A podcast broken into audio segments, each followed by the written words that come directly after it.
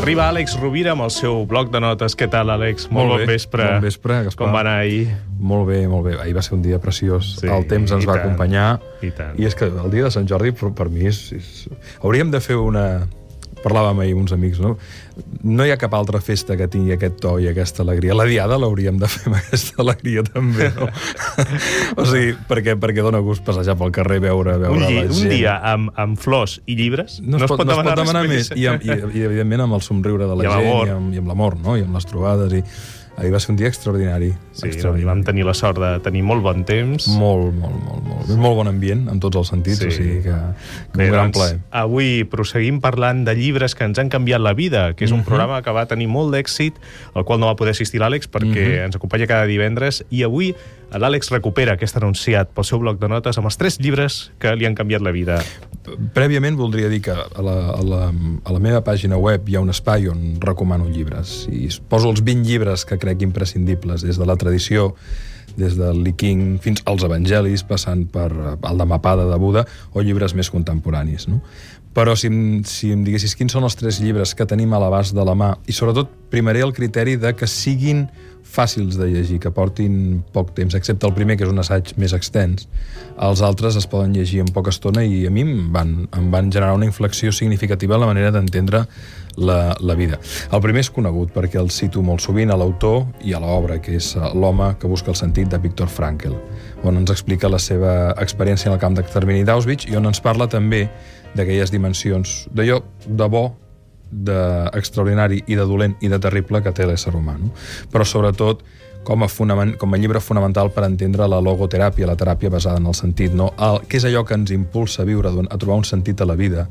Que són, quines són aquelles coses que ens, que ens mouen, quina és la llibertat última que tenim, no? la llibertat de triar la nostra actitud per construir la nostra vida, uh, tota l'elaboració del sentit que fem per tirar endavant. Crec que l'obra de Frankel és essencial i L'home que busca el sentit és un llibre de capçalera i de referència imprescindible. Segon llibre, El segon llibre, un molt breu, un, un relat molt breu de Jean Giono, del qual també n'he parlat algun cop aquí. sí, ens el van recomanar també oients l'altre dia. Sí? Doncs mira, l'home que plantava arbres. Sí. És un relat deliciós, basat en un fet eh, aparentment real. No sap ben bé si és del tot real o és tot ficció, però ben bé podria ser una història certa, no desvetllarem de què va, només d'un home que planta arbres.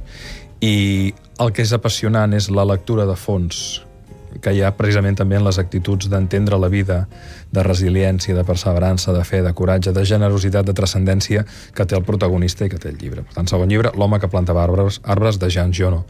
I finalment un llibre de Stefan Zweig, que és poc conegut dintre del que és el conjunt de l'obra d'aquest gran mestre de la literatura, um, però que és un llibre extraordinari que es diu Els ulls del germà etern, Los ojos del hermano eterno. Um, és un relat que ens té unes certes reminiscències del Siddhartha de Hermann Hesse. És un llibre breu, d'unes 80 planes també, però que a l'eix del, del llibre la idea fonamental és um, què és el poder, ben entès, i sobretot el servir, el servei. Què vol dir servir, què vol dir lliurar-se, què vol dir adaptar-se als canvis. És, un- és un llibre absolutament deliciós tant per el que és la pròpia història com per com està escrit, òbviament, perquè estem parlant de Stefan Zweig, com per les qüestions de fons, per l'ofici de viure, no? per saber viure bé, que traspua el llibre. Són els tres llibres que li han canviat la vida a l'Àlex Rovira, du- seleccionats... dels molts, exacte, eh? però que, que... aquests són preciosos. Sí. que acaben de replar aquesta setmana en què tant hem parlat de llibres en aquest ofici de viure com, una, bé, com un camí també pel coneixement, per l'autoconeixement. Fonamental. Jo crec que sense...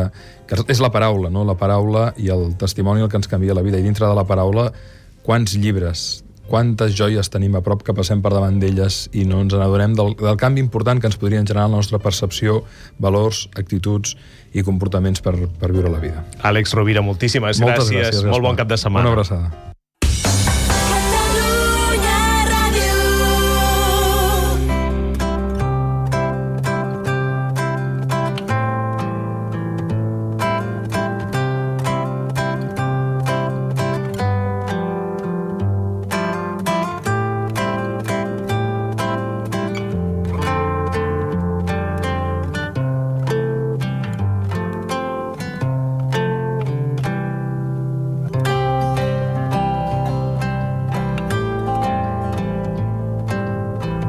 Acabem amb uns aforismes d'Emerson, de Ralph Waldo Emerson, sobre l'amistat. La condició que exigeix l'amistat segons Emerson, l'am- l'amistat perfecta, consisteix a poder-ne passar sense. L'única manera, segons Emerson, de fer un amic és ser-ho. Amic per Ralph Waldo Emerson es pot considerar l'obra mestra de la naturalesa. I segons Emerson, si sents que tot ha perdut el sentit, sempre hi haurà un t'estimo, sempre hi haurà un amic. Un amic és una persona amb qui es pot pensar en veu alta.